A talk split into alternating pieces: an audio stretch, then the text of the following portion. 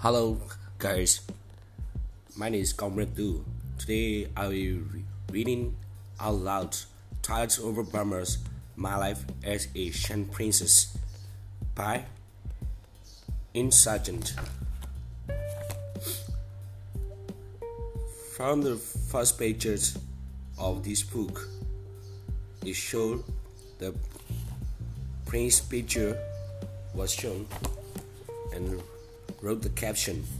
This book is dedicated to the memory of Sain, the Prince of Hsipaw.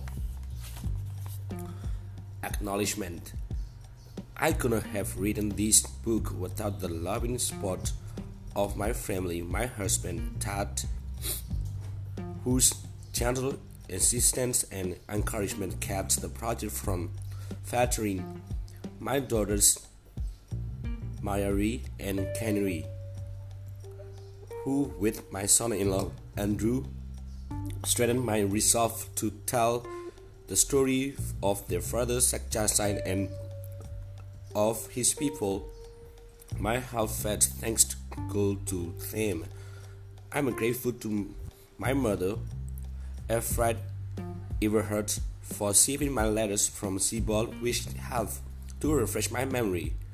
I wish to thank the, the members of my writers group, Kavi, Kay, and Robert, for their constructive comments as the work progressed.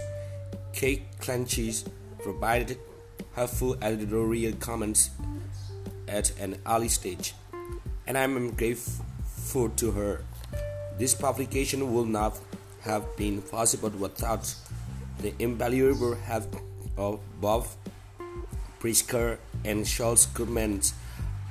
I shall always be indebted to them, and also wish to thank Bill Hamilton of the University of Hawaii Press for his in, interest in my history.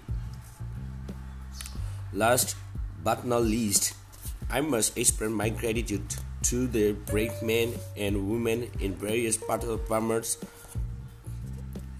and to compassionate people as well who, who render assistance in our most depressed hour. It will not be prudent to name many of them here, but they know who they are. I shall never forget them.